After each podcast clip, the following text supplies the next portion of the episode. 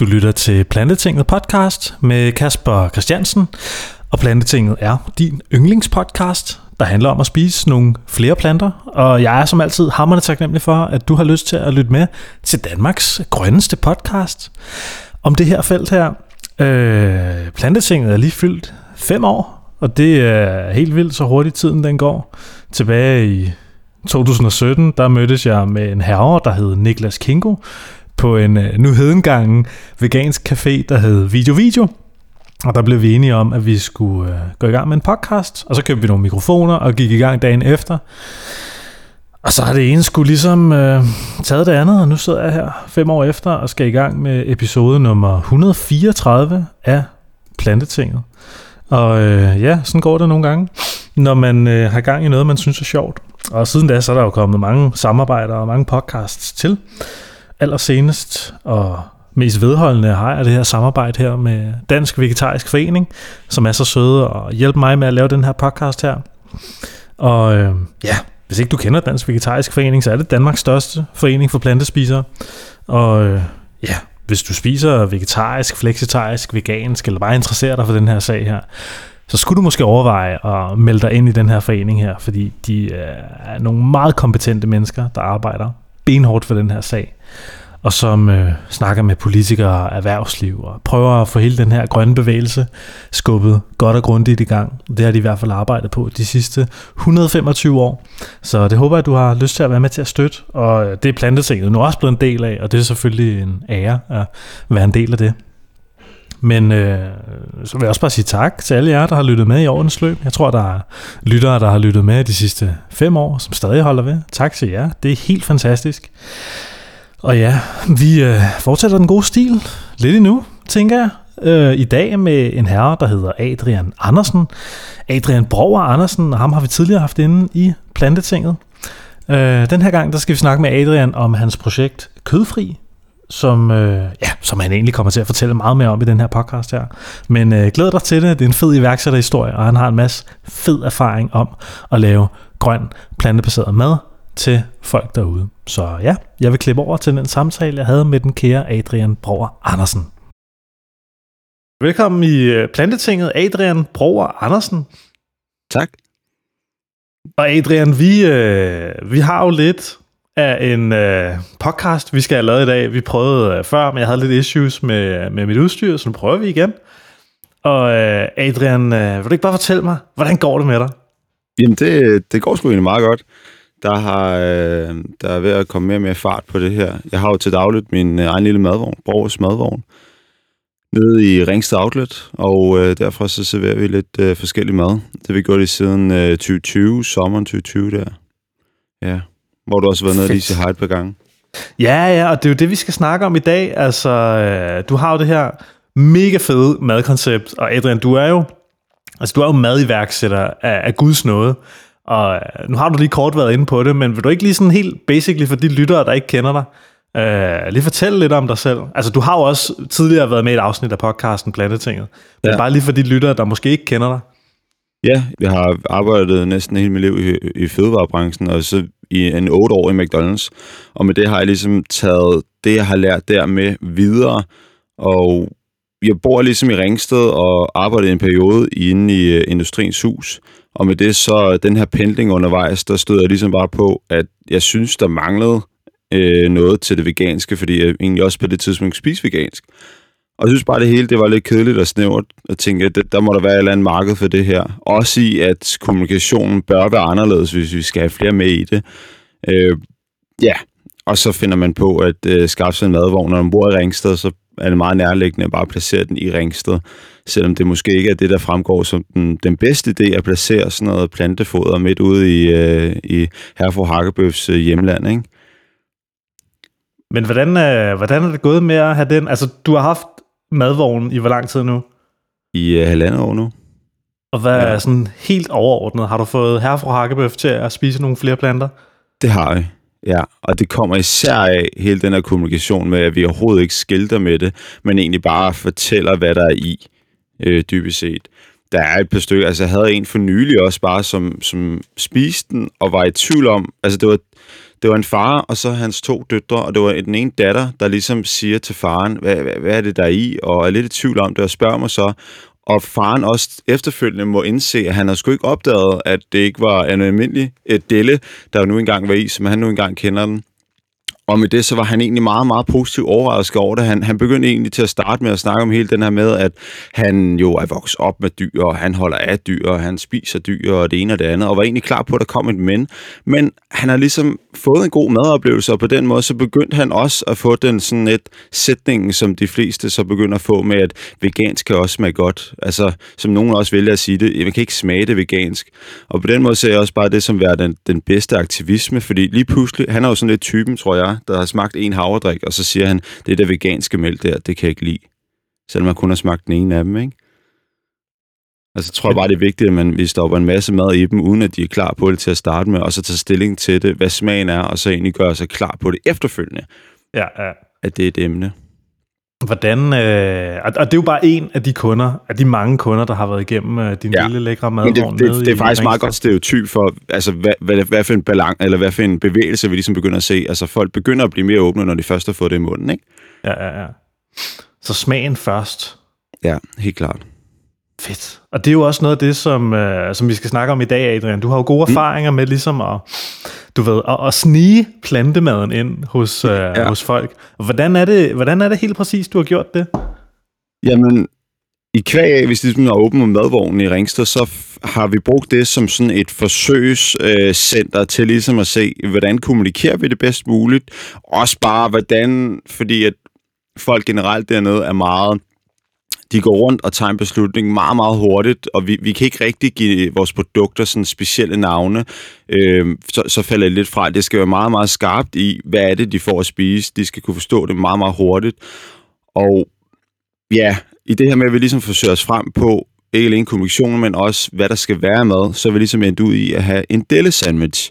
Jeg tror måske, det er Danmarks første sådan også plante-veganske delle sandwich øh, som jeg laver på, på min egen deller, og så er det sådan meget klassisk, med, med hvor vi selv sylter rødkålen, selv sylter agurk, og så putter mayonnaise og, i en bolle, vi har fundet frem til, ikke? Og, og øh, ja, altså, det er jo den her delle sandwich her, den kommer vi til at snakke en del mere om. Men ja. vil, du ikke, vil du ikke lige fortælle mig, hvad du ellers har, har, har solgt i den madvogn der, og hvordan jo. du sådan har solgt det?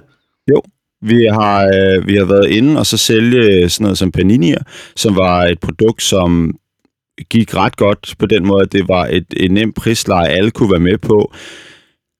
Og det, det var en øh, sandwiches, hvor det var en øh, pariser panini, hvor vi havde noget skiveskåret pålæg, som vi kaldte os på skiltet, og hvor nogen også formodede til at starte med, at det bare var en, en skive skinke, der var i, uden at det var det. Og det var også et element, som ligesom gjorde, at folk de spiste, før de tog stilling til, hvad det egentlig var. Øhm, og så har vi så haft nogle andre. Vi har haft en for nylig en burrito wrap, hvor det også ja, det var en chili sin carne, vi puttede i. Og så havde vi en rødkål, quinoa, øh, lime dressing og en frisk salsa, vi ligesom puttede i. Og hvilket egentlig også for mange var sådan en, en åbenbaring. Og nogen så også det der chili, chili sin carne som værende chili con carne. Men jeg vælger sådan lidt at overhøre det og håbe på, at de synes, det smager godt, ikke? Så altså, du, har, du har jo solgt de her varer her i din vogn, og du har ikke eksplicit kaldt dem veganske. Nej. Og øh, bare lige kort, hvor, hvorfor er det nu, du ikke har gjort det? Det er fordi, jeg tror på, at folk de vælger smagen frem, frem for andet. Øhm, og jeg tror på, at de, den gængse dansker ikke har lyst til at være en veganer, øh, men mere bare har lyst til at, at spise noget, der smager godt. Jeg tror, altså også når man ser på, hvad, hvad der sælger bedst, så er en, en sandwich og en, eller en burger. Selvom vi synes, at der er sindssygt mange burger, og der kommer et nyt burgersted her og der, så er det, handler det om, at det er det, folk også bare spiser. Mange de synes, at noget er en god idé, men det er ikke altid, at de synes, det er sådan en god idé, at de også gør noget i den retning. Jeg havde i, øh, i en efterår, der havde jeg en øh, græskersuppe, hvor at der er en dame, der kommer op, hun køber en kaffe latte, ser der står græskersuppe på, på skiltet, og snakker om, at det lyder, det er fandme lige tid til det, og det er fandme en god idé. Og, og hvorefter hun får sin kaffe latte og går sin vej. Altså det var ligesom bare sådan en, der, der er rigtig meget med det her med, at det er en god idé, men det var ikke sådan en god idé, at hun tænkte, den skal jeg have med mig, ikke? Mm. Mm. Og det, er jo, og det er jo lige præcis det, man skal, man skal ramme ned i, i hjertekuglen på de her mennesker her, eller i smagsløgene på mennesker. Mm. Og det har du formået. Altså, du har jo banket en, øh, en madvogn op midt i Ringsted Outlet, midt på gågaden der, og øh, altså helt sådan overordnet set, øh, hvordan er det egentlig gået, den øh, madvogn der, Adrian? Jeg synes, det er gået rigtig godt. Altså, man, man, man kan også se, hvordan det ledes, at de første år, der var det lige knap og nap, og øh, der, det var lige med at tælle pengekassen, hvorimod i år, der har vi, der har vi meget mere pengeflow i det også. Vi begynder også at se en meget mere stor kundestrøm af folk også, der spiser vegetarisk, der kommer. Det er så meget af dem, der holder fast i det og kommer og besøger det jævnligt. Og så har vi også, ja, altså sådan, du begynder at se sig selv de kedelige dage, der kommer møder folk stadigvæk op, og jeg begynder at se folk, der står i regnvejr, og så skal have den her øh, dele sandwich, for eksempel. Ja. Og det, det er en super fed bevægelse, og det er jo det der med, jeg tror også Gordon Ramsay han også siger, altså sådan, folk, de kritiserer ikke mad, øh, de kritiserer ikke direkte, hvis de synes, det er utilfreds med noget. De kommer bare ikke bagen efter. Og det kan godt være også folk, de roser for din mad, men den største ros, du egentlig får, det er, når de så kommer anden gang, og så skal have den fordi de kunne huske smagen, og de kunne godt lide det, de fik, ikke? Ja, ja, ja. Fedt. Så, øh, så der er kommet lidt gang i den der madvogn der. Absolut, ja. Brugers. Borgers madvogn, ja. Borgers der madvogn. kører vi, der, det er så også blevet sådan et øh, smagssted for folk, der også skal os ud til diverse konfirmationer og fester i, den, øh, i det format, hvor de ligesom gerne vil have en madvogn ud i deres have og holde, og så inden for et par timer ligesom meget afslappet vis for at servere noget mad til folk. Så det er både øh, på hovedgaden, og så er det også øh, sådan lidt catering-agtigt, eller hvad man kalder det. Ja. Hvor du egentlig har det helt samme koncept, men så kører du bare vognen ud til et, øh, til et arrangement i weekenden. Folk får det meget øh, maden med hjem, altså som i hele vognen med hjem, ja. Stærkt. Og, øh, og fortæl mig lidt om, Adrian, nu har, du, øh, nu har du prøvet en masse ting af i den her vogn her. Mm. Altså, hvad sådan, altså nu sagde du det der med græskarsuppen, det er måske gået mindre godt. Så er der ja. nogle ting, der er gået mindre godt, men så er der også nogle ting i den her vogn, der er gået rigtig godt.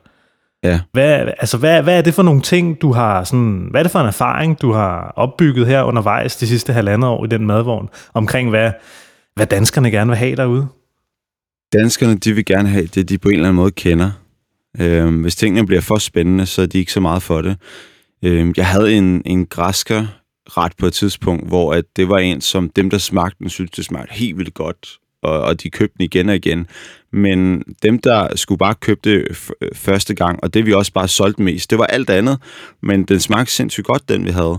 Men når det er sådan en first time eh, try, så er det bare, så skal de gerne have noget af det, man kender. Og med det så fandt vi ud af, at sådan noget som pølser, det kunne være en rigtig god idé, og sådan noget som frikadeller også kunne være en rigtig god idé.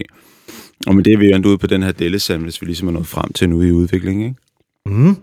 Og, og den skal vi jo lidt tage afsat i, den delle sandwich der, fordi altså, hvad, hvad er det for nogle oplevelser, du har haft nede i madvognen med delle sandwichen, som har gjort, at du ligesom tænkte, at det måske var et projekt, der skulle tages lidt videre? Det har været, at folk ikke bare lige pludselig bare købte sandwichen, men også juleaften også gerne vil have at købe dellerne for sig selv.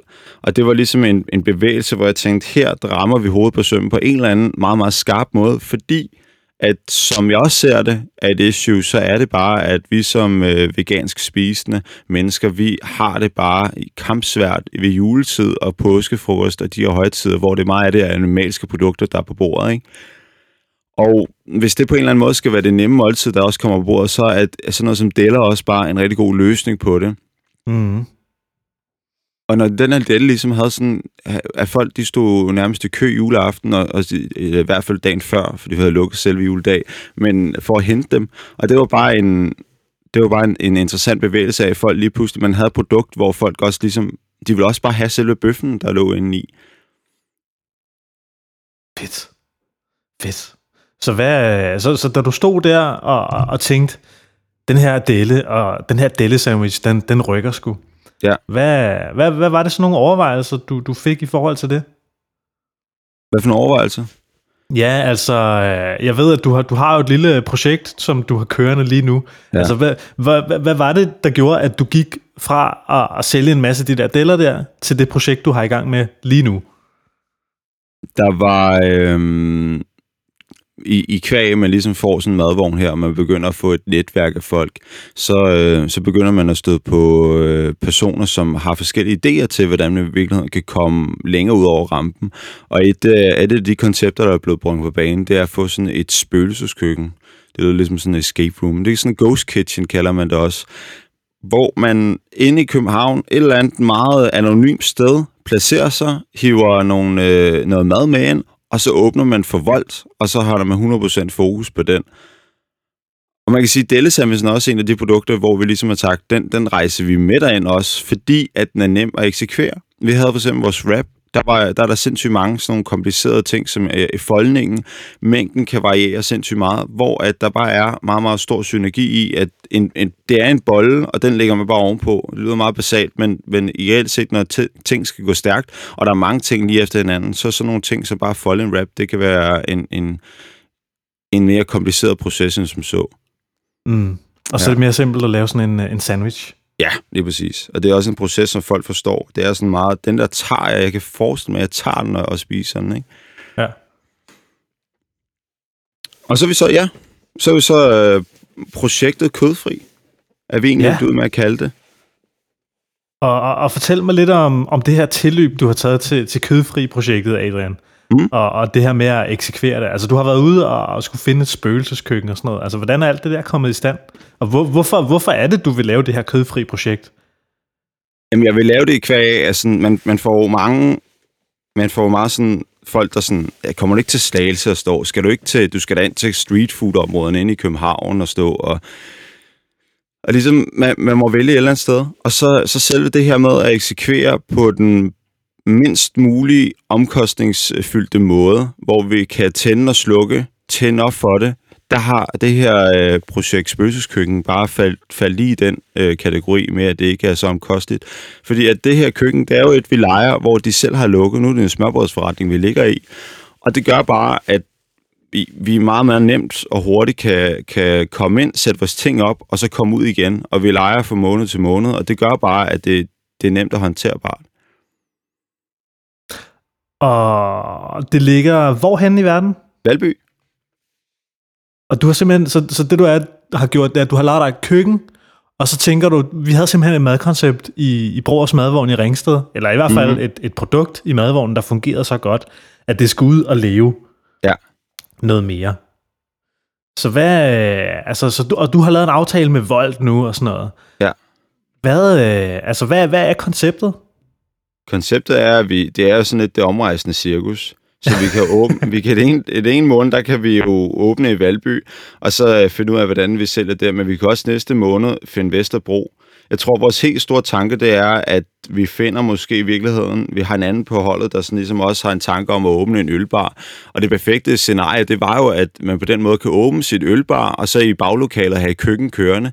Så på den måde, så kan du lige pludselig omsætte meget mere på kvadratmeter, fordi at det, der er det skarpe ved vold, det er, at det er meget, meget skarpt sat op med, her har vi et koncept, der kan det her, her har vi et andet koncept, der kan det her. Du ved, hvis du kommer ind i en restaurant, der på, på menukortet både har pizza, burger og øh, spaghetti, Pizza spaghetti, det kan måske godt gå. Hvis måske er sushi, for den sags skyld. Øh, hvis det nu har det, så bliver det meget, meget forvirrende. Og hvad er det egentlig, det her sted? Hvad kan det overhovedet? Hvor du lige pludselig med vold, der kan du åbne din eget meget, meget skarpe brand og så sige, det her, det er et koncept.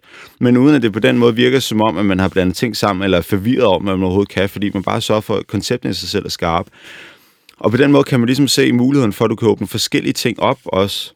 Men det her med så i virkeligheden at købe noget, hvor man så siger, at vi, vi ejer den her ølbar, men bagved, der har vi altså de her forskellige koncepter, så kan man meget nemt også bare kvæge, hvis vi ikke kører en ølbar, men bare får øh, flere småbrødsforretninger, eller industrikøkken for den sags skyld, så er det meget nemt bare at åbne den her Volt-app, og så sælge videre derfra.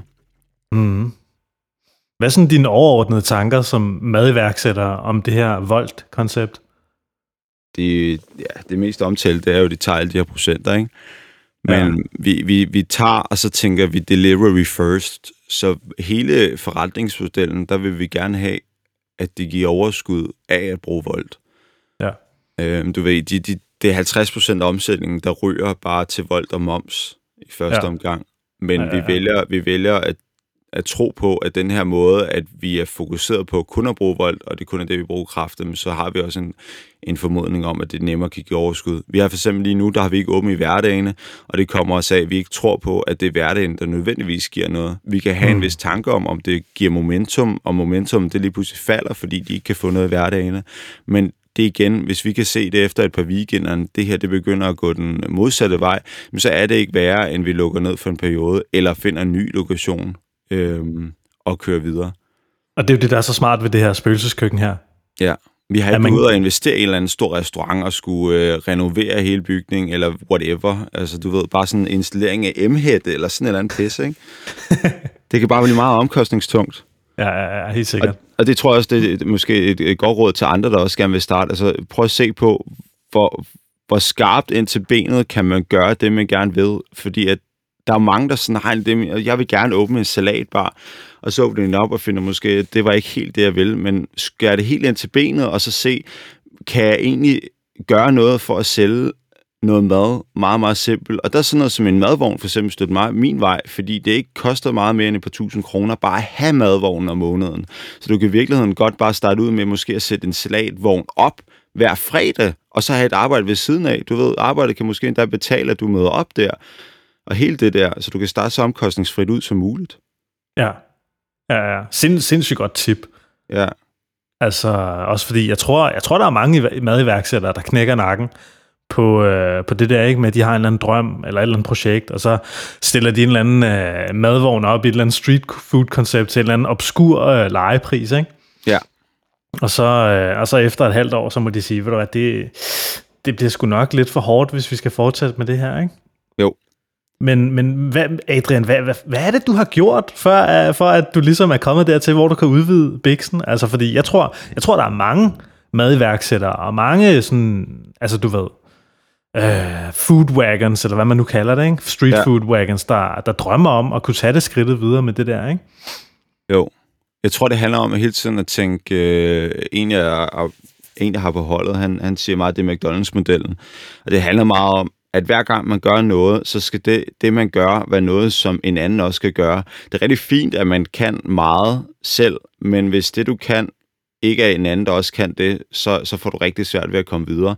Og det er det, vi ser nede sådan i, bare i den madvogn, jeg har nu. Der er, sådan, der er checklister til, hvordan man åbner og lukker vognen. Der er tænkt igennem med, hvordan skal opsætningen være, hvordan skal øh, grøntsagerne nu engang stå ved siden af hinanden, for at den er så operationelt stærkt, at hvem som helst kan komme ind og meget, meget hurtigt kan finde ud af at eksekvere på de her ting her. Og det gør bare, at når vi så siger for eksempel, nu vil vi den her weekend, der åbner vi kødfri, så kan vi meget nemt bare sætte nogle flere ned i vognen, hvor jeg så ikke skal være, for så at jeg bare ender i København, eller inde i København, bare sætte den anden ind, fordi du har hele det der system, folk hele tiden passer sig ind i, ikke?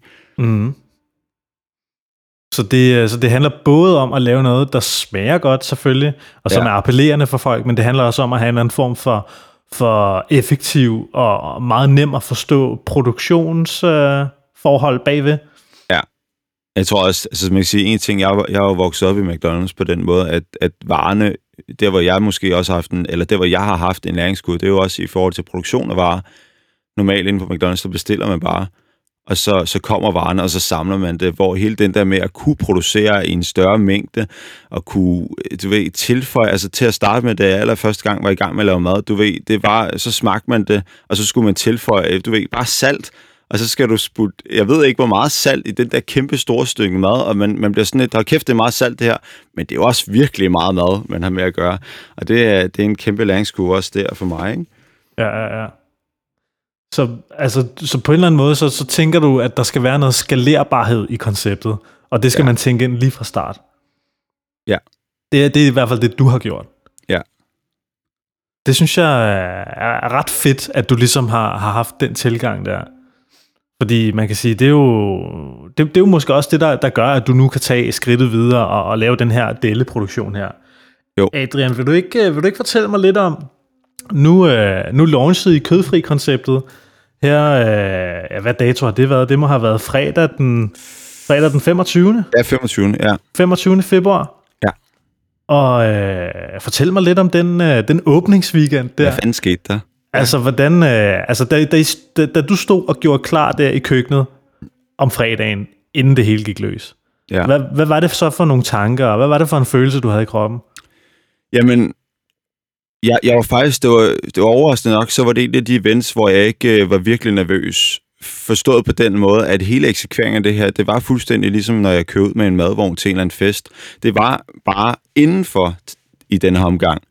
Og så når vi ligesom produceret op til det her, så begynder vi jo også at regne på, hvor mange skal vi overhovedet have klar til den her weekend her. Og da vi så øh, åbner op der om fredagen, der kan vi også godt konstatere, det, det kunne godt gå os hen og gå en, en lille smule mere mok, end vi måske i virkeligheden havde forestillet os. Fordi der var, øh, der var allerede, inden vi begyndte at åbne, der var allerede begyndt at besti- komme bestillinger ind. Og ja, det er sådan lidt op til. Øhm, I virkeligheden, så, så havde jeg i virkeligheden min øvelse fra, fra hele det her med at, at producere inden. Øhm, og så havde vi jo også udviklet nogle nye produkter også til selve det her kødfri koncept, så vi ikke bare har det samme nede i madvognen, som vi har inde i København. Og så, så, så I åbnede der på Volt, og, det, og I, I står jo bare et par mand inde i et eller andet helt lukket køkken. Ja. Og så begynder der bare at tække øh, bestillinger ind på en eller anden iPad. Ja, vi stod øh, fire mand, og så havde, har vi, du ved, vi har en frityr køre, kørende til pomfritterne, vi har øh, to toaster til at lave sandwichen, og så har vi en iPad, der blinker, og så en, en dør til voldmanden. Det er sådan ligesom det konceptet er, og det, øh, altså, det er en meget, meget mærkelig oplevelse, da vi ligesom kører den der, fordi du har, der bare, altså, du står og kigger på den samme person de, de fire timer, og der er en eller anden skærm, der bare blinker, og så skal du lave det, der står på Altså, det, det er en meget, meget syret oplevelse, fordi normalt har du i restauration, der har du sådan en eller anden, der har du bare en tjener, som er i direkte kommunikation med den, der skal have maden. Du kan få noget feedback nu og her.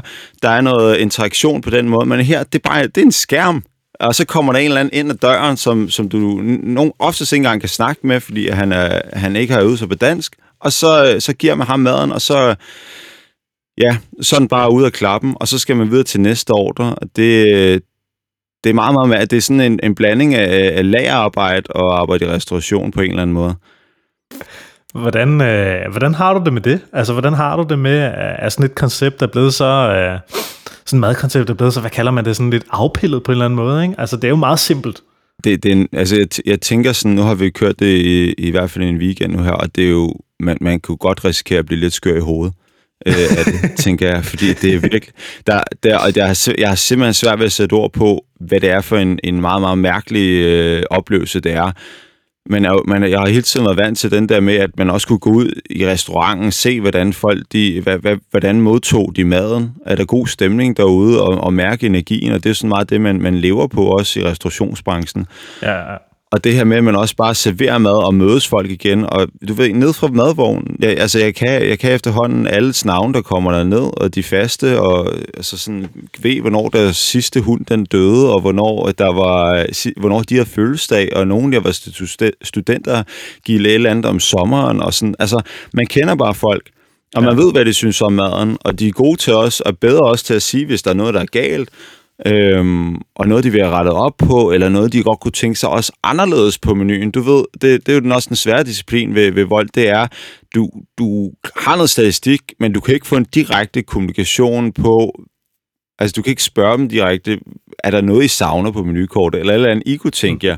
Mm. Man kan ligesom bare se, okay, nu begynder den her ikke at sælge, jamen så må man selv regne det hele ud, ikke? Ja, ja, ja. Øh, man kan til gengæld på vold, så, så tror jeg, at der er større sandsynlighed for, at folk er meget mere øh, hurtige til at komme med deres feedback. Forstået på den måde, vi ved fra de sociale medier, hvor, hvor, hvor lidt altså hvor ligegyldigt, ligeglade folk bliver med modtageren på den anden side. Ikke? Så. Øh, så på nogle punkter kan det også måske være en mere ærlig, øh, en ærlig snak med for retur. Ja, helt sikkert. Altså, jeg har selv, øh, jeg har selv kørt, øh, lige da vold startede, der øh, kort tid efter, så, så fik jeg så tog jeg et job som, øh, som madbud for dem. Ja. Og jeg har virkelig, jeg har virkelig leveret meget mad for Volt. Øh, rigtig meget. Og, øh, og jeg, synes, jeg synes, det er pisse sjovt. Jeg synes, det, det er det sjoveste arbejde. Men øh, da der så kom corona, altså så kom mm. der mhm. nogle helt andre forhold. Det her med, at du ved, altså jeg var vant til, at man går ind i restauranten, og du står måske og hyggesnakker lidt med enten køkkenet, eller, eller tjenerne, ikke? Og så, ja. øh, og du ved, så får man maden, når man cykler ud, for fuld gas ud til, øh, til, øh, til den, der nu skal spise maden, ikke? Og man, man afleverer dens folk og siger, du har bestilt sådan og sådan, værsgo, velbekomme, jeg håber, du får en dejlig aften, og du ved, altså der er meget øh, kundekontakt i begge ender, eller det, det var der i hvert fald. Og, sådan, og som du selv siger, den der energi, eller den der feedback der, man får, ikke? altså den betyder enormt meget, og det gjorde den også for mig, det der med sådan at, ja, bare lige, du ved, kigge folk i øjnene, og give dem, altså, folk bliver jo hammerne glade, når de får mad. Ja. Og det er jo det der med, når man nu... Øh... Der føler man også, at man gør noget for andre, ikke? Jo, lige præcis. Man ja. føler, man, man, altså, det, man er noget en, værd, en mega fed, måde, mega men- fed serviceoplevelse, ikke? Ja. Og, øh, og så kom der corona, og jeg, jeg kørte også lidt voldbud under corona. Og det var det bare sådan, sådan noget med, at øh, så kunne man dårligt nok komme ind i, i restauranterne, ikke? Og man skulle, altså man skulle stille maden ude foran døren hos folk og sådan noget, ikke? Og du ved, al den der kontakt med folk, hele den der serviceoplevelse, som man kunne give, det var bare væk. Mm. Så, og, og det, det, det gav mig en følelse af, at øh, jeg følte mig enormt sådan, øh, isoleret på en eller anden måde, ikke? Eller man følte sig sådan lidt, øh, ja, hvad kalder man det? Altså, det var bare ikke det samme arbejde. Og det er sådan, det, det, du fortæller mig om, det I står nede i spøgelseskøkkenet og har den her oplevelse her. Ja. Altså, det er, lidt, det er lidt den samme følelse, jeg havde som voldbud under corona.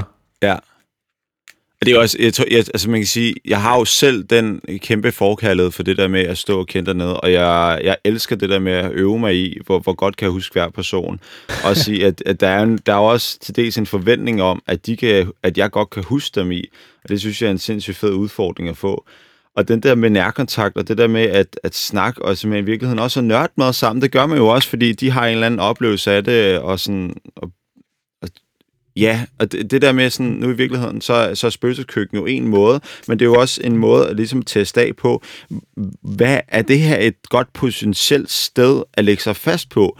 Fordi at jeg kunne i virkeligheden godt tænke mig, at der var en nummer to, et eller andet, der lå mere fast, hvor vi som sagt har et eller andet ude foran, og så kører vi noget andet bag i. Men det, inden vi får øh, fundet lokationen, og så testet den af, så der er det bare nemmere med det her spøgelseskøkken. Vi kan meget nemt hive pløkkerne op og så sige, nu rejser vi sgu. Eller ja. måske fordi vi har så meget andet i at vi kapaciteten, vi lige pludselig måske mangler vi medarbejdere, fordi vi om sommeren er ude og, og rejse rundt med en, øh, med en madvogn, så er vi måske ikke medarbejdere nok, så skal vi have fundet dem, men hvis man ikke når at finde dem, så ja, der er bare mange ting, så hvis man ikke får slået sig helt fast på en rigtig fast lokation på den måde, så det giver bare noget meget mere, mere fleksibilitet. Ja. Men øh, lad os lige komme tilbage til den åbningsweekend, du havde, Adrian. Ja. Ja. Fordi at øh, du, du står i det her køkken her sammen med, med dit team, og ja. I, I står og føler jer sådan lidt øh, isoleret på en eller anden måde, ikke? Ja. Altså, der, der, der står en skærm og blinker lidt, og så kommer der lige øh, et voldbud ind en gang imellem, og lige Du, griber der, var heller ikke, der var heller ikke musik. Vi havde glemt en højtaler, så det var også frygtelig stille også. Altså, du ved, det var meget mediterende. Ja, okay. Ja. Men hvad, øh, så, så, så I havde den her fredag, lørdag og søndag i spøgelseskøkkenet. Ja. Hvad var det for, altså, hvad var det for et ordreflow, der var, og hvad var det for nogle oplevelser, I havde på baggrund af hele den, øh, den weekend der?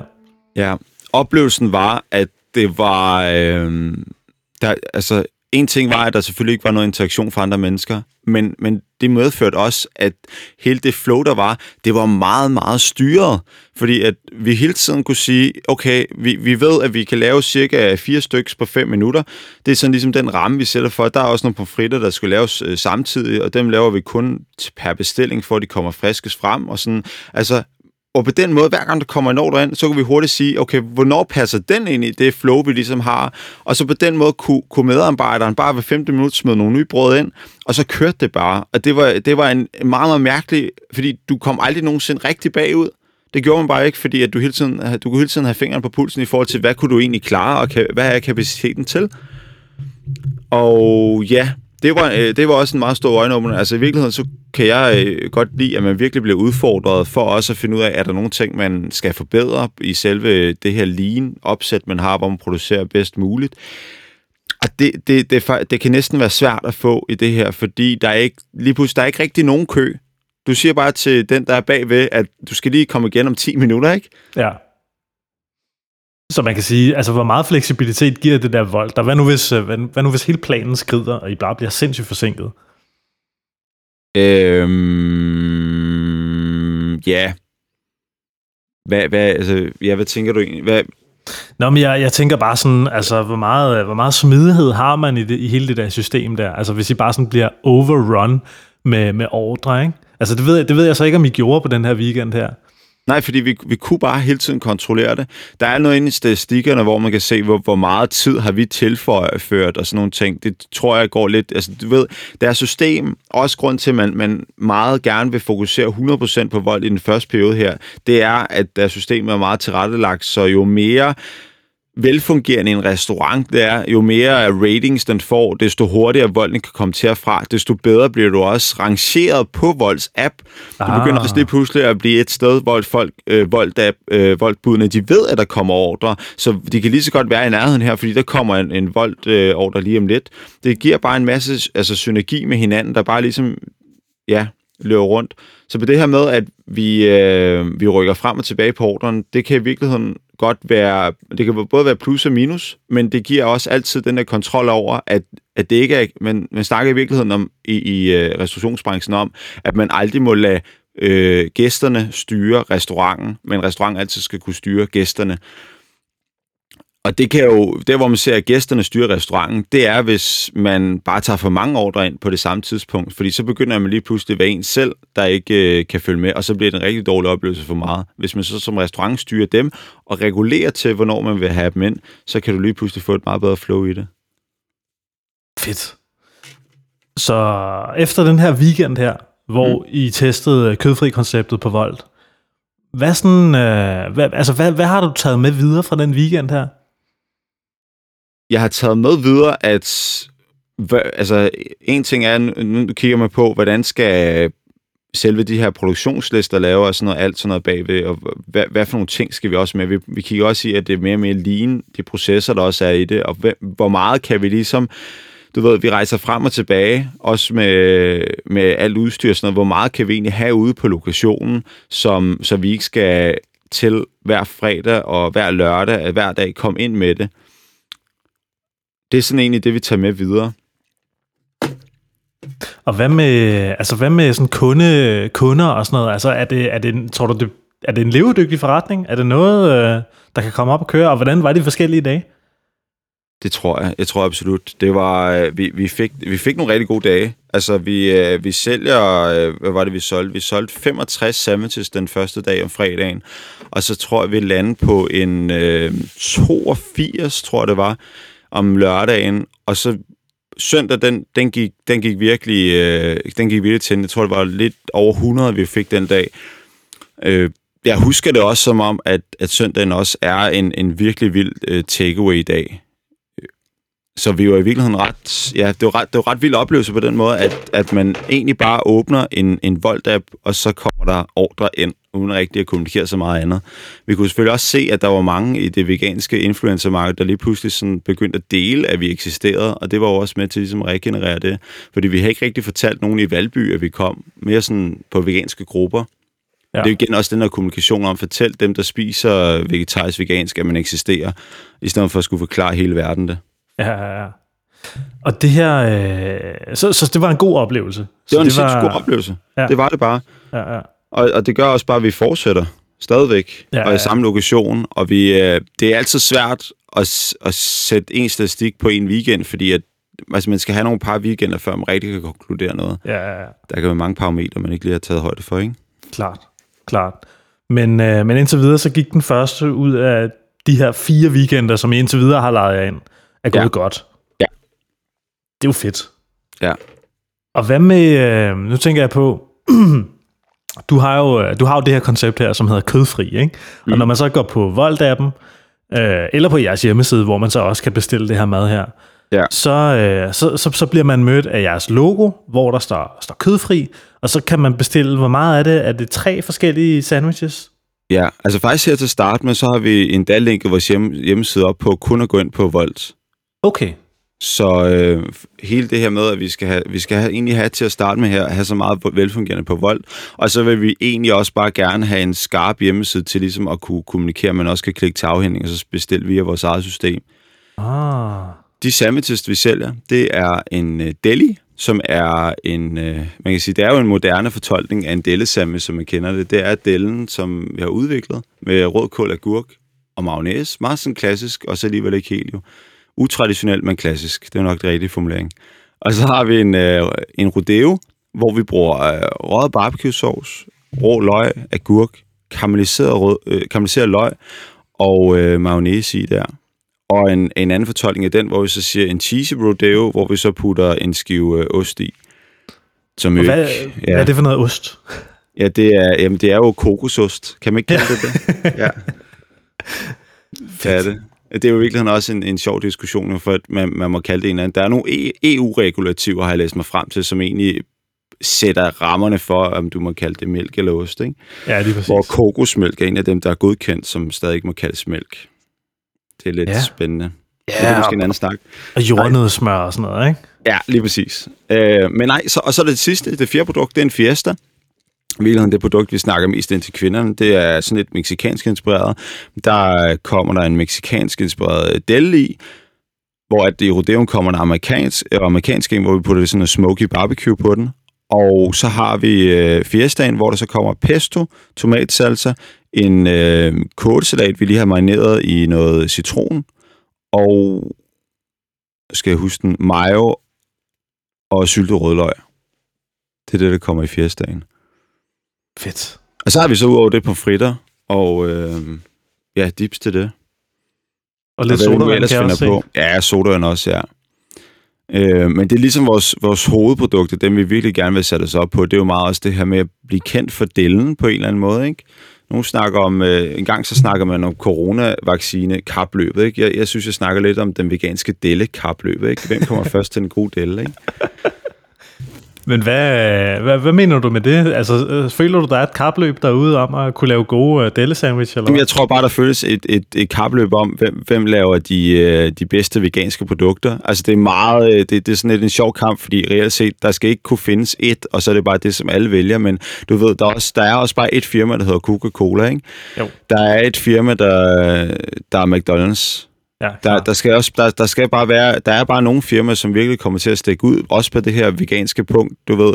Der er for mange også i dagens Danmark, der smager en havredrik, og så siger, det der veganske mælk der, det har jeg sgu smagt, det er noget mærkeligt noget. Men i virkeligheden, så skal der være nogle, nogle større spillere, ikke? Jeg ved, sådan en som Dryk er en sindssygt stærk spiller på i virkeligheden, at, at sætte baren for, hvordan det ligesom skal kommunikeres og smages, ikke? Ja. Og det er jo også et, et eksempel på, hvordan at de har virkelig har taget også øh, fart på, på kapløb om op til op i spidsen. Ikke?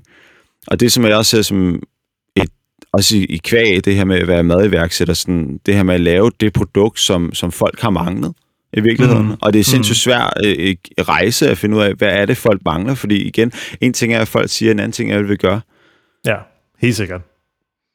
100 Der er for mange, der er for mange af det der med, at øh, nu, jeg ved, altså der er for mange af det der med, at et produkt øh, forsvinder fra hylden af, og så skriver man til, til virksomheden, vi, vi, skal, vi vil gerne have det her tilbage, men der er en specifik, der, altså der er nogle forskellige parametre, skal lige huske, at et grund til, at produkter forsvinder, men det er lige så meget også på grund af efterspørgselen på det. Klar. 100 procent. Ja, ja, ja men det, det, det, det sidder man jo hele tiden og kigger på, altså når man skal have en sådan forretning der, ikke? Altså hvad er det, der, der kører der ud af, og er der en vækst, eller står det stille, eller... Ja, ja, og det, det er jo sådan nogle ting, man må tage ind, når man skal udvikle på sådan noget der. Ja. Så du har meldt dig ind i, i Dellekapløbet, Adrian? Ja, det kan, det kan man godt kalde det, ja. Øh, det var virkelig, det var også fordi, vi, vi sad også, der for et år siden, da vi havde de forskellige sandwiches, det var meget, at der var en, øh, vi, vi havde tre forskellige paninis dengang, Øhm, og der var en med noget pesto, en med noget nødost, og der var en, en med noget græsker og sådan. Altså, de var så delt op fra hinanden, hvor vi, hvor vi også bare måtte kigge tilbage til, til McDonald's og bare være sådan lidt, hvad er det, de gør godt, og hvad var det, de gjorde rigtig godt til at starte med? Jamen, det var, de havde det her ene stykke kød. De havde det her ene stykke, der ligesom kunne komme i de andre. De havde den her ene bolle, og det gør bare, at du kan have meget mere fleksibilitet, både til produktion og, og lean øh, produktion også, når man står derude og skal eksekvere på det. Så vi ledte også efter det her veganske kød, som vi ligesom kunne, kunne komme ud over stepperne med. Ah. Og så har vi ah. bare eksperimenteret helt vildt med at komme frem til den helt perfekte delle. Øh, det, har været, det har været en meget stor rejse, hvor man ligesom skulle både google sig frem til, hvad er forståelsen hvad er en, hvad er en vegansk delle, ikke? Hvad, hvad, er en, hvad er en frikadelle i det hele taget? Jeg har aldrig lavet deller. Jeg har ikke engang lavet frikadeller med, hvad er det, kalv og flæsk, man bruger den i dag. det, det har jeg aldrig lavet, men jeg først begyndt at sådan også bare blive bedre til. Det var i virkeligheden også grund til at begynde på at lave øh, vegansk mad. Det var, fordi jeg synes, det var en meget, meget spændende måde at lave mad på. Du ved, jeg er aldrig rigtig duet til at lave den der steg, man skulle grille i ovnen, eller i, øh, på, ude på grillen og sådan noget. Det endte altid med at blive helt fucked up sejt, eller ikke, ikke for nok, og man var ude der tre, hver tredje minut der prik til den og se, hvordan det blev aldrig helt godt. Hvor sådan et, hele den her proces med at lave vegansk mad, det, jeg synes stadigvæk, nu har jeg spist det i fem år, og jeg synes stadigvæk, det er en rejse i forhold til at finde ud af, hvad, hvad, hvad skal man lige finde på øh, til dagens måltid, men det er begyndt at blive sindssygt nemt, og jeg synes, jeg har meget nemmere ved at lave mad den dag i dag, end jeg havde den gang, da jeg spiste animalsk. Øhm, og det, det er det, der gør jeg også den dag i dag, også bare tænker, at det, det giver sindssygt god mening at fortsætte, fordi jeg, jeg, jeg synes ikke rigtig, at du er ude til det andet. Jeg synes, det er meget mere leg og let. Du ved, jeg har ikke den samme frygt for salmonella-bakterier, eller at kødet ikke har fået nok, eller holdbarhedstiderne på køleskabet. Det var jo kraftet og med, jeg ved ikke, hvor længe nu, ikke? Jo, jo, jo. Så det giver også en tryghed for dig som madiværksætter, at du ved, at folk de nok ikke bliver super syge af det, hvis, uh, ja, hvis der nu sker ja. et eller andet. Ja, hvis tingene bliver surt. Der findes nogle, nogle farlige bakterier, man skal være opmærksom på. Sådan noget med bønner og linser. Øh, jeg mener, sporelia er en af dem, der kan komme af, hvis ting, for eksempel syltning, ikke er under de fire i pH-værdier og sådan nogle ting. Og et bønner og kikærter for eksempel, der er, der er en af øh, væskerne, man lige får. Jeg tror, det er væsken, den ligger i eller noget. Der, der, altså, der, er nogle, der er nogle forskellige væsker, når man koger og arbejder med bønner og linser. Nu skal jeg ikke kloge mig helt ind på det, men, men i hvert fald vigtigt, at man får den proces med, at bønderne bliver kogt ordentligt, og man hælder vandet fra, ikke bruger det og sådan noget. Ikke? Mm. Øhm, det er en af grunden til, at for eksempel, når man skal lave noget med kikærter, at det, det er smartest bare at bruge at det vand, der kommer fra en dåse af. Øhm, ah. Der er noget proces af det. Ja, ja, ja. ja der kan, det kan jeg godt, men, men ja, som du siger, det er i virkeligheden, at, at også bare, når, når man så har produceret færdigt, og man skal servere, så kan det umuligt gå helt galt. Ja, ja, ja. Der er ikke det salmonella-bakterier, jeg ved ikke hvad andet. Det, det, det sagde mig også. Altså, det synes jeg også er en kæmpe dimension i det, den der ja. fødevaresikkerhed. Ikke? Også fordi vi i Danmark har, der har vi bare nogle af de mest strikse fødevaremyndigheder, mm. som, uh, som, bare, som bare er over en, hvis, uh, hvis du render og fucker op i noget. Ikke? Ja. Og det, uh, det synes jeg også er sådan, altså det synes jeg er en kæmpe værdi, som du selv siger i det veganske, at man ligesom måske har et større frirum i forhold til uh, behandling af de her råvarer her, ikke? Jo. Og det, det synes jeg er en fed pointe, sindssygt fed pointe. Hvad med, øh, nu, nu tænker jeg sådan hele det her koncept her. Lad os sige, at her om, om tre uger, ja. når, når du har kørt kødfri her i spøgelseskøkkenet den første måned, og I har fået banket rigtig mange dele sandwiches afsted på Volt, og det er gået rigtig godt. Hvad, hvad er så det næste skridt for kødfri?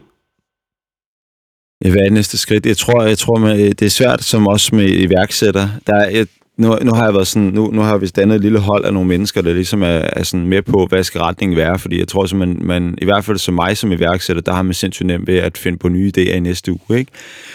Og det her med at holde sig på sporet, og i virkeligheden holde, holde fast i dynen, som, som vi siger lidt på holdet, ikke? altså den gode dyne, det, det, det er en sindssygt svær disciplin. Men hvis det her ligesom bare fortsætter, så er det meget nemt at kopiere det her koncept videre til et andets placering. Vi kan meget, det er en helt stor drøm, og det, det jeg tror, jeg drømmer om, og nu siger jeg tror, fordi man, man, man ved aldrig rigtig helt, hvad er det det her, man drømmer om, men, men det her med at eje den, den veganske grillbar, den veganske McDonald's, der, der gør det bedre end den konventionelle. Det er det, jeg drømmer om på en eller anden måde. Fordi jeg tror, at vi med det øh, plantebaserede fødevare kan gøre det bedre, end hvad vi ser, at fødevarebranchen gør i øjeblikket.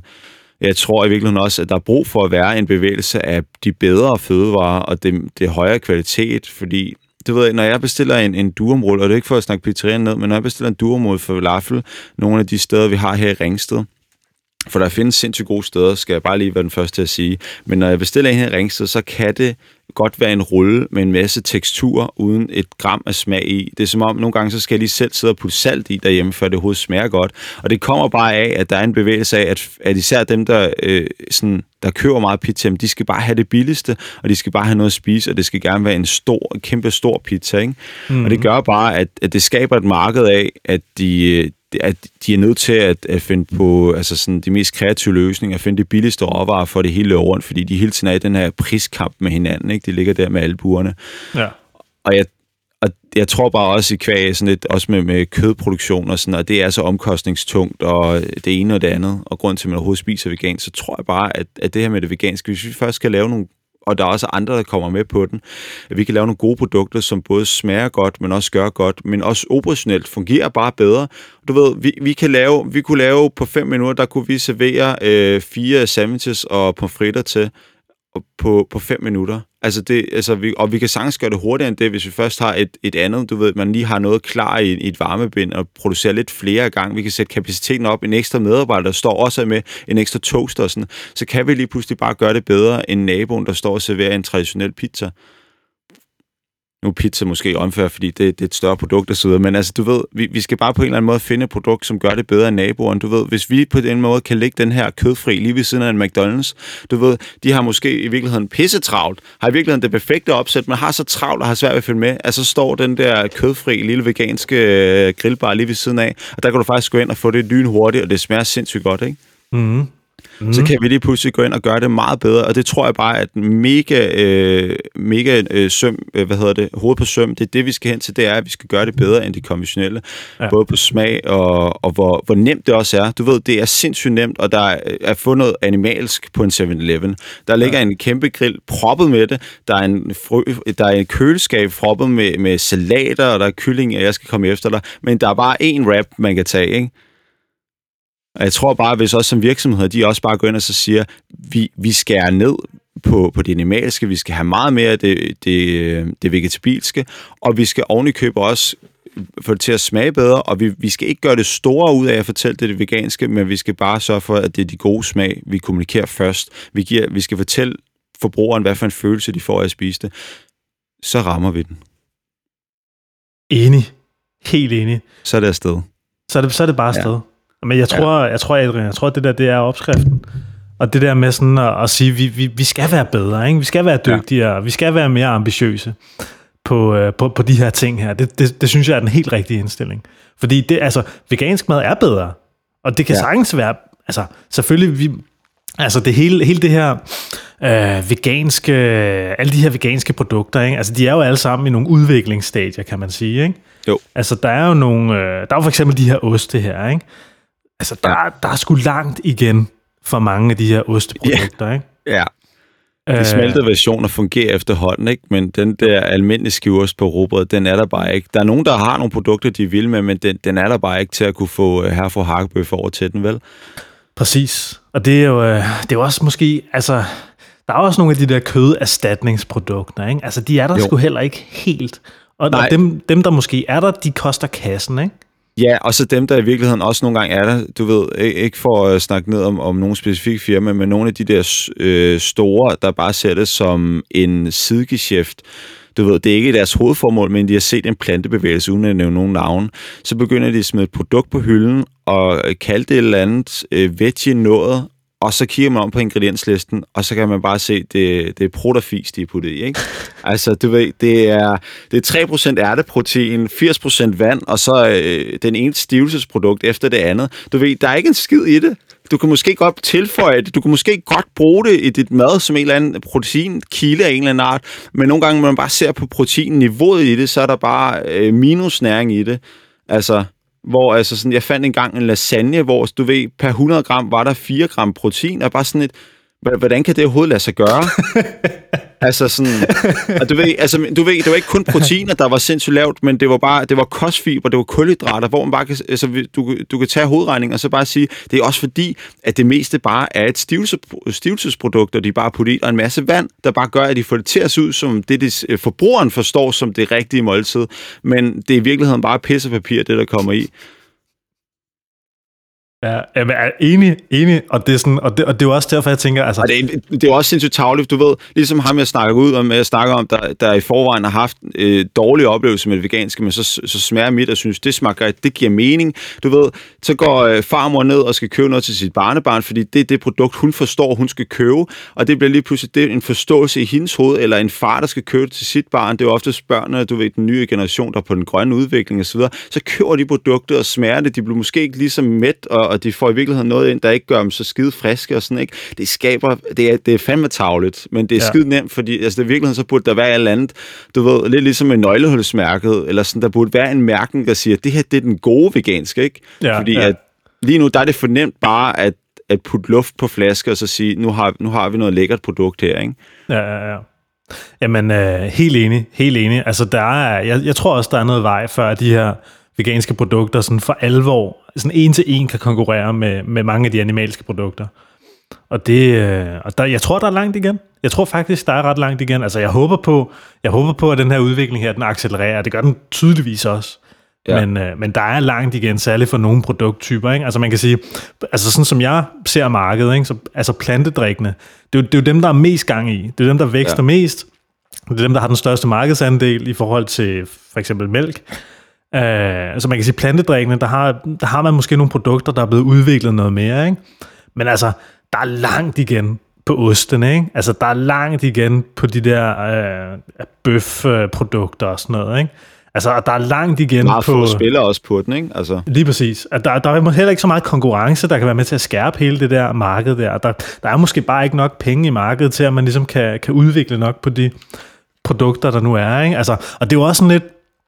Altså, du og jeg, Adrian, vi er jo i den her veganske boble, ikke? Ja. Og det er sådan, vi, vi sidder og klapper i hænderne, hver gang der kommer ja, et nyt ja. vegansk produkt, ikke? Jo. Men altså, altså, det er jo rigtigt nok, som, som du siger, altså, der, der kommer også meget, meget fis derude. Altså, al, al er respekt til, til de plantebaserede fødevarevirksomheder, som hvis, hvis sag jeg også taler i mit arbejdsliv. Men altså, ja. øh, der, der er, så må man også bare kende, altså, der er måske et stykke vej for nogle af dem, ikke? Ja.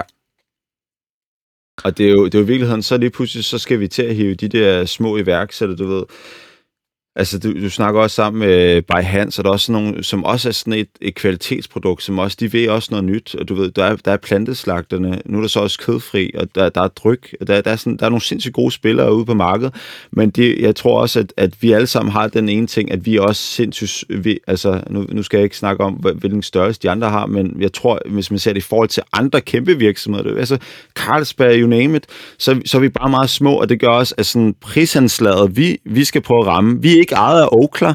Du ved, Naturlig for eksempel, de kan meget nemt gå ud og sælge deres havredrik til en 10'er eller sådan noget. De kan meget nemt gå ud og bare skyde produkter noget, fordi de, har, de er ejet af Okla, så de har en eller anden stor pengetank. De bare kan sige, ja, Okla, de kan sidde og kigge på firmaerne, og så bare sidde og sige, jamen det her over, vi skal frem med det veganske, så vi går i underskud her de næste 10 år. Nu ved jeg ikke, om det er det, de har gjort. Men det er sådan noget, de kan gøre, fordi de, ja. de er sådan ja. en stor konglomerat, ikke? Ja, lige præcis.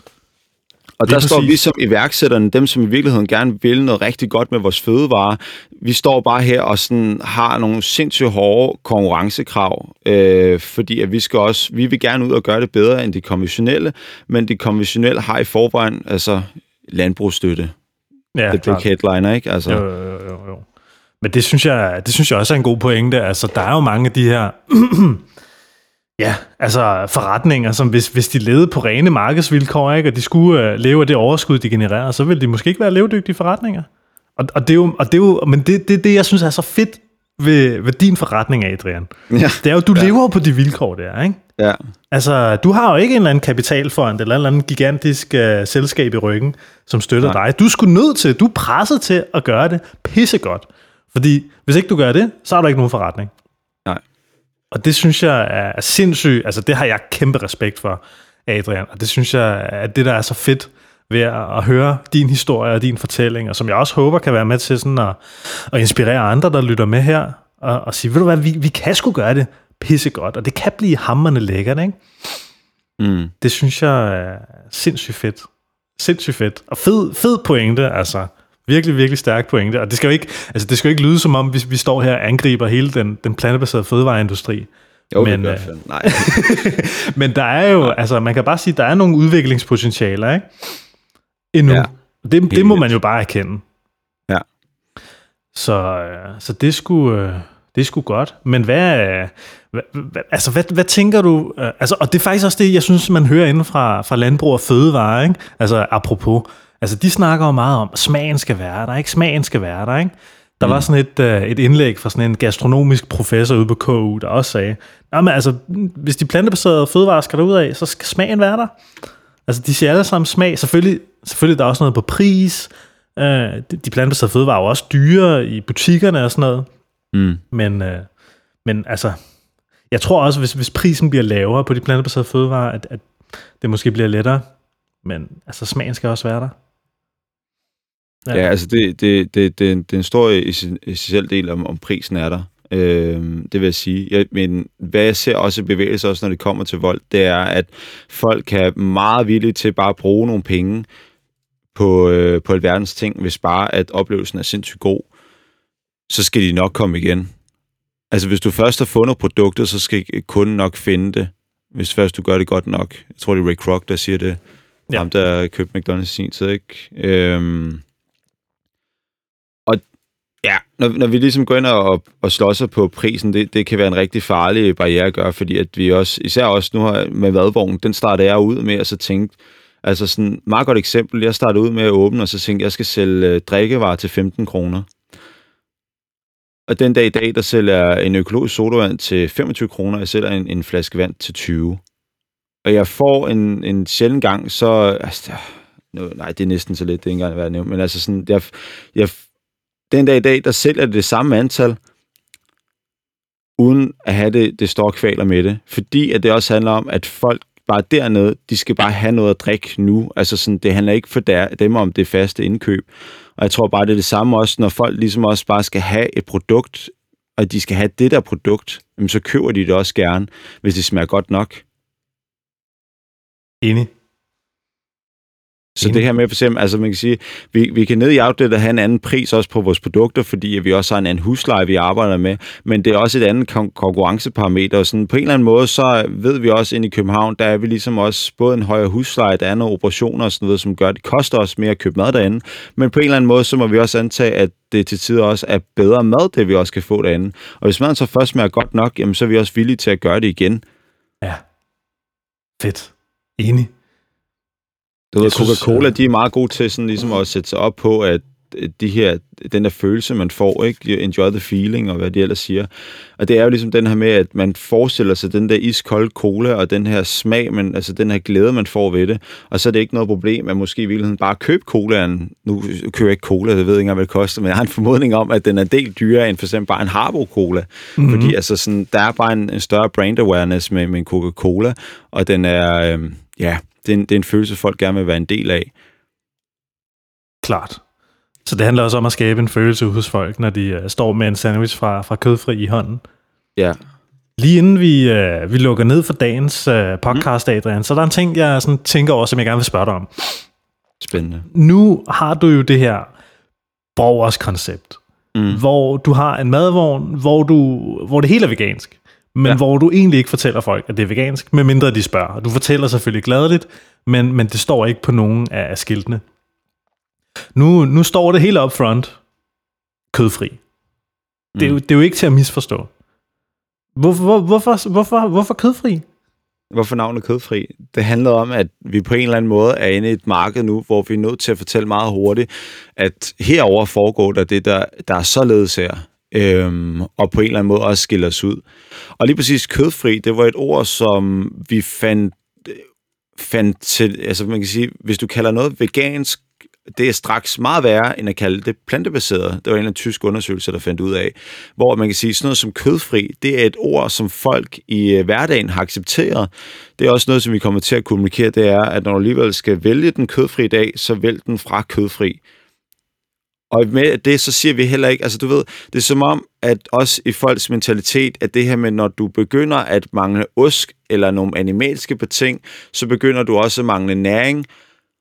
Og med det så kødfri, der fjerner du trods alt kun det ene element. Altså det er noget, som folk godt kan acceptere. De taler i forvejen også om den kødfri dag, og det gør bare, at vi på en eller anden måde har en idé om, at der kan man nemmere komme udenom, øh, udenom snakken om, at, at det her det er, det er noget farligt at begynde på. Men man kan sige, det, det er igen, operationen her, den er igen nem i forhold til at, sådan, ligesom at tænke, okay, hvordan, er, hvordan tager folk det imod det, og så skal man i virkeligheden ændre det.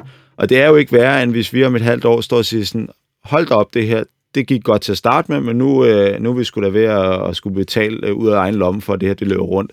Så, det, er så er det jo meget nemt, at vi bare slukker for appen, og så, så var det det eventyr, og så var man måske op på et eller andet tidspunkt, eller måske kun ses ud på festivaler. Fedt. Fedt. Jeg håber, Adrian, virkelig, at det her kødfri projekt uh, kommer godt ud over stepperne, og folk har lyst til at, at smage en burger for kødfri. Jeg tror i hvert fald, jeg skal prøve at bestille en for Volt her i den kommende weekend. Ikke hold dig tilbage. Nu fik jeg i hvert fald ikke, uh, nu fik jeg ikke gjort det den her weekend, fordi jeg var i, i kolonierhus hele weekenden, men den her weekend her, så er jeg hjemme, og så tror jeg lige, jeg skal prøve sådan en uh, lækker sandwich. Har du en, du kan ja. anbefale? Altså, er det rodeo? Er det ja, deli? De, de, jeg synes, de er hammer svære. Jeg synes i hvert fald, når man ser at starte med at skal smage noget derfra, så synes jeg, man skal prøve deli, simpelthen fordi, at den er bare så, den er så unik. Altså, jeg, jeg tror, hvis det er, øh, Danmarks første veganske delle sandwich, øh, hvor vi virkelig bare kører efter det traditionelle ting. Vi prøver ikke et eller andet mega hip med det, men vi kører sat med vores egen rødkål og agurk, ikke? Mm. Og på den måde, at det her med den veganske delle sandwich, det synes jeg bare kan noget. Men når man så har prøvet den, så fiestaen, den, den, øh, den kan noget til nye dimensioner. Du ved, altså med pestoen og den her syrlige øh, kålsalat og sådan, der kommer i, ikke?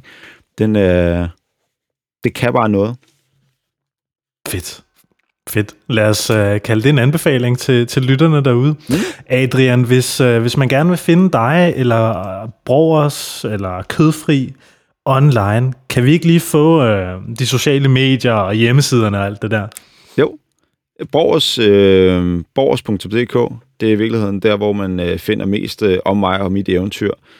Og ja, så er der de sociale medier dertil, det er borgers.dk, hvor det er bare uden punktummet, både på Facebook og Instagram.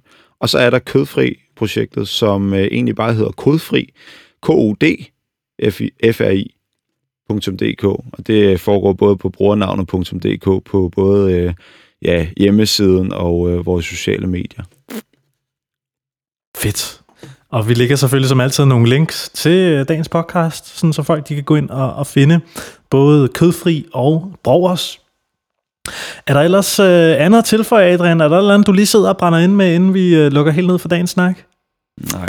Jeg, jeg, tror, jeg tror, hvis det hele er sagt, altså jeg, tror, jeg håber lidt, at på en eller anden måde også snakken, den inspirerer til, at der, der kommer nogle, nogle flere med på den og hopper ud i noget. Ikke desto mindre, så hvis man har nogle idéer, så er man jo altid velkommen til også at, at tage kontakt. Mm. Øh, mhm. også for, at hvis man har brug for en snak om, om det, det man nødvendigvis gør, er den, den rigtige vej.